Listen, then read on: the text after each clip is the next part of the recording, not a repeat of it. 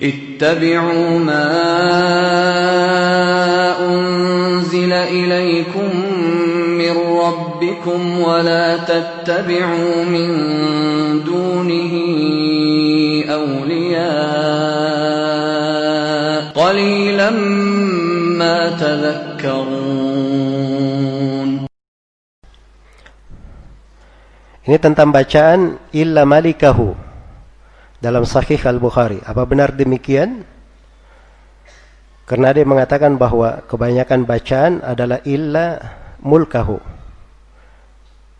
Dan ini juga dibaca oleh Imam Ibnu Hajar. Apakah sisi ada sisi pembenaran jika dibaca illa mulkahu? Nah, ini banyak pembahasan ya. Banyak juga yang tanya dari kawan-kawan dan ini yang bertanya di sini ya insya Allah dari penuntut ilmu. Saya sebenarnya senang menjawab untuk para penuntut ilmu saja orang-orang yang mau belajar. Tapi kalau asalnya orang-orang jahil ini sulit untuk paham. Ya apalagi pengennya cuma mendebat saya karena itu kata sebagian penyair wa inna ana'an an tufahhima jahilan fayaz'umu jahlan annahu minka afhamu.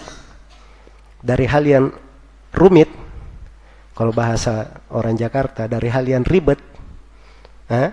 kamu memahamkan orang yang jahil. Karena ujung-ujungnya dia akan menyangka bahwa dia lebih paham daripada kamu. Iya. Jadi berbicara dengan terkait dengan hal yang seperti ini pembahasan-pembahasan ilmiah perlu keikhlasan seorang perlu tajarrud kepada kebenaran cinta kepada kebenaran bukan dia hanya masuk di dalam hal-hal yang tidak bermanfaat atau fanatik kepada orang tertentu iya atau hanya lihat ini sekarang lagi viral kemudian dia ingin masuk juga membahas di dalamnya ini hal-hal harusnya diperbaiki ini terkait dengan masalah ilmu. Jelas ya? Ya. Yang pertama yang perlu diketahui di dalam Sahih Al-Bukhari itu Al-Bukhari berbicara tentang hal ini itu di kitab tafsir. Di tafsir surah Al-Qasas. Ya. Pada ayat kullu syai'in halikun illa wajhah. Maka ada tertulis di situ cetakan, dia tertulis di dalam sebagian riwayat Al-Bukhari illa malikahu Ya begitu bacaan benarnya.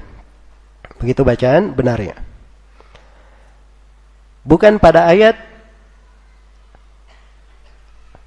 wa yabqa wajhu rabbika dzul jalali wal ikram. Bukan di ayat itu. Jelas ya? Al-Bukhari tidak ada pembahasan di situ. Ya pembahasan beliau pada ayat kullu syai'in halikun illa wajha. Nah, di situ ada bacaan illa malikahu. Nah, di kebanyakan cetakan itu tertulis illa mulkahu. Di kebanyakan apa? Cetakan. Nah, di sini pentingnya seorang itu belajar. Dan dia mengambil ilmu dengan jalur talaki. Mengambil dari guru. Jelas ya? Karena itu dari masa dahulu itu diingatkan ada golongan namanya as-suhufi. Dia cuma baca dari lembaran-lembaran saja. Tidak ngambil dari guru. Akhirnya ketika terjadi tashif atau terjadi salah baca, maka dia juga ikut salah di situ. Ikut salah. Kalau kita telusuri periwayatan riwayat-riwayat, itu jarang dari para ulama yang meriwayatkan hadis mereka harokati di dalam penulisan. Jangankan harokat, kadang titiknya saja tidak ada titiknya. Di penulisan sebagian ulama hadis di masa dahulu. Terus dari mana dia pastikan? Padahal tidak ada titiknya. Nah, ini dengan jalur apa? Talaki. Dengan jalur sama, dia dengar langsung dari guru. Bagaimana cara guru itu membaca? Jelas ya? Nah, cara yang lain itu diketahui dengan penjelasan para ulama terkait dengan riwayat tersebut. Dilihat penjelasannya apa? Dilihat penjelasannya. Misalnya di muqaddimah sahih Muslim ada hadis di situ. Man haddatha anni bi hadithin yara annahu kadhibun fa huwa ahadul kadhibaini Yara itu dua bacaan, bisa dibaca yara, bisa dibaca yura. Ahadul kadibain bisa dibaca kadibain, bisa dibaca kadibin. Dari mana diketahui dua bacaan? Itu dari keterangan para ulama yang menjelaskan apa? Hadis tersebut. Kalau lihat harokat, harokat nggak ada. Tergantung siapa cetakan yang mengharokati. Kalau cetakan Sahih Muslim yang dahulu tidak ada harokatnya yang bisa menerangkan. Dicetakan Puat Abdul Baki itu masih mending. Dia kasih dua harokat sekaligus. Jelas ya? Dia kasih dua harokat sekaligus. Nah, ini dia pakai cetakan yang mana? Itu yang mencetak siapa? Yang memberi harokat siapa? Kamu dengar dari Sahih Bukhari itu dari siapa? Siapa nama gurumu? Gurumu dengar dari siapa? Dari siapa itu kan dilacak semua. Benar nggak cara penyebutannya seperti itu? Nah, itu kan ada pembahasannya lagi. Kalau memang benar, Misalnya sudah pasti sanatnya, gurunya mendengar mulkahu. Ditanya perawi yang lain apa yang dia riwayatkan. Kan begitu harusnya. Nah, ini panjang pembahasannya. Karena itu di sebagian hadith di pembahasan tentang cacat-cacat hadith di ilmu ilal, nah itu ulama ahli hadith dia tidak terpaku pada cetakan. Itu ada beberapa hadith di kitab guru kami Syekh Mukbil Judulnya Ahadithu Mu'alla Zahiru Khassiha. Hadith-hadith yang mengandung cacat padahal zahirnya benar. Ada sebagian hal misalnya beliau anggap bahwa ini hadith terputus. Ya, datang dalam sebuah cetakan ternyata di tempat yang terputus pakai kata haddathana. Kata Syekh Mukbil, ini kami enggak terima. Karena buku-buku para ulama yang menjelaskan jalur-jalur riwayat semua menunjukkan bahwa dia tidak mendengar, ada perantara. Ketika dia memakai kata haddatsana di buku ini, buku ini tidak masuk di dalam jalur sama kami.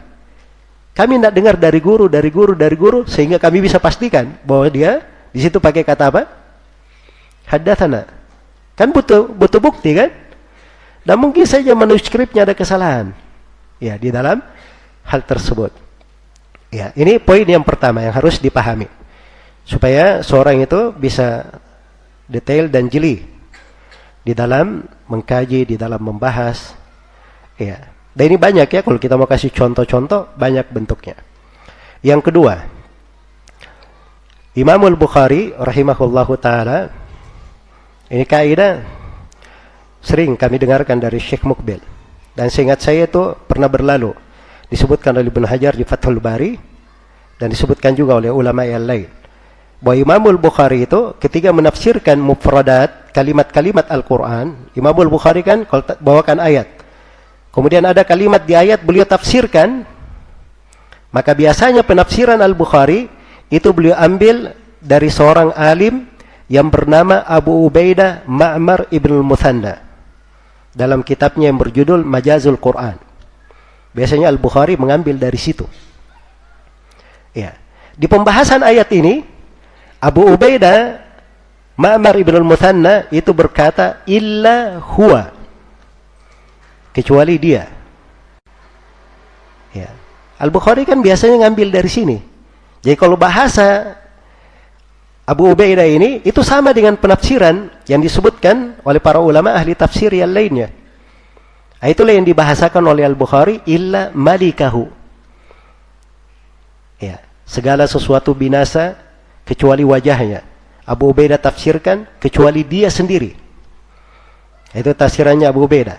Al-Bukhari tafsirkan dengan kalimat yang mendekati kecuali Allah yang Maha menguasai segala sesuatu. Kan begitu? Al-Malik. Itu kan maknanya malikahu artinya malika kulla syai yang Maha menguasai segala sesuatu. Itu penafsiran benar. Iya. Itu penafsiran benar. Nah, jadi ini yang kedua, sisi yang kedua. Sisi yang ketiga. Imam Al-Bukhari rahimahullahu taala sendiri itu di kitab Tauhid beliau menetapkan sifat wajah. Jadi tidak mungkin dia mentakwil di sini. Tidak mungkin dia mentakwil. Karena itu harus diarahkan ucapan Al-Bukhari kepada makna yang paling indah. Kalau tidak, nanti orang akan tuduh Al-Bukhari dengan tuduhan macam-macam. Kok kontradiksi? Di sini mengatakan ada sifat wajah, di sini dia takwil, kan begitu? Maka diarahkan kepada mana yang paling bagus. Ya. Mana yang paling bagusnya itulah yang dibaca illa malikahu. Yang keempat. para ulama yang menafsirkan ayat ini itu hanya menyebutkan dua penafsiran. Dan dua penafsiran ini itulah yang disebutkan oleh Al-Bukhari. Imam At-Tabari, Ibnu Kathir, dan selainnya. Mereka hanya menyebutkan seperti yang disebutkan oleh Al-Bukhari. Semuanya tersisa, eh, semuanya binasa kecuali dia atau penafsiran yang kedua disebut juga oleh Al-Bukhari illa ma urida bihi wajhullah. Kecuali apa yang dikehendaki dengannya wajah Allah. Itu dua penafsiran. Dan dua penafsiran ini inilah yang ditafsirkan oleh para ulama ahli tafsir terkait dengan ayat. Dari para ulama ahli tafsir di kalangan as-salaf. At-Tabari, Ibnu Kathir, Al-Bagawi, dan selainnya. Jelas ya? Baik. Yang kelima. Seorang imam itu, kalau dia berucap sesuatu, maka asalnya diarahkan kepada keyakinannya itu namanya kita berlaku adil kepadanya. Dibawa kepada keyakinannya. Imam Al-Bukhari keyakinannya di atas akidah siapa? Akidah salaf atau akidah syariah? Di atas akidah salaf Al-Bukhari. Rahimahullahu ta'ala. Dan itu tampak di buku-buku beliau. Apalagi kalau kita baca kitab Tauhid dari Sahih Al-Bukhari. Atau kita baca buku beliau Khalqi Af'alil Ibad atau kita baca riwayat Al-Lalakai meriwayatkan dari Al-Bukhari tentang akidahnya, itu kelihatan Al-Bukhari di atas jalan para salaf, detail sekali Al-Bukhari. Iya. Dan para salaf semuanya sepakat di dalam menetapkan sifat apa? Sifat wajah. Sepakat tidak ada silam pendapat dalam hal tersebut. Maka dalam hal yang seperti ini, kalau kita berbaik sangka kepada Imamul Bukhari, maka kita arahkan ucapannya kepada apa yang mencocoki ucapan para ulama yang sesuai dengan keyakinan beliau sendiri. Ya. Dan yang terakhir, anggaplah dibaca illa mulkahu. Apakah dianggap benar hal tersebut? Jawabannya tidak bisa dianggap benar. Memang kalau Al-Bukhari baca illa mulkahu harus diterima dari beliau? Itu penafsiran beliau misalnya menyelisih penafsiran as-salaf?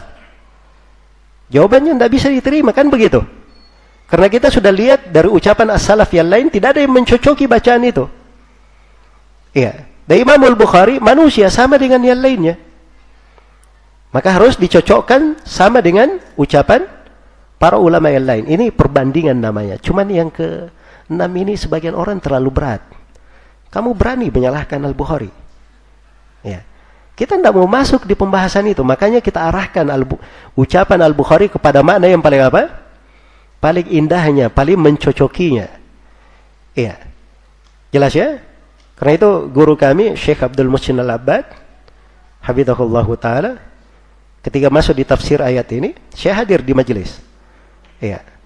Saya hadir di majelis. Jadi beliau, korinya baca di kitab tafsir. Dibaca ayat ini. Ya. Kullu syai'in halikun illa wajah. Yang membaca illa mulkahu. Syekh menoleh. Illa malikahu. Kata Syekh. Jelas ya? Ini Syekh Abdul Musin Al-Abbad. Beliau ini sudah menghatamkan, menghajarkan Al-Bukhari sudah dua atau tiga kali. Beliau. Dan beliau punya spesialis di dalam mengkaji Fathul Bari. Iya.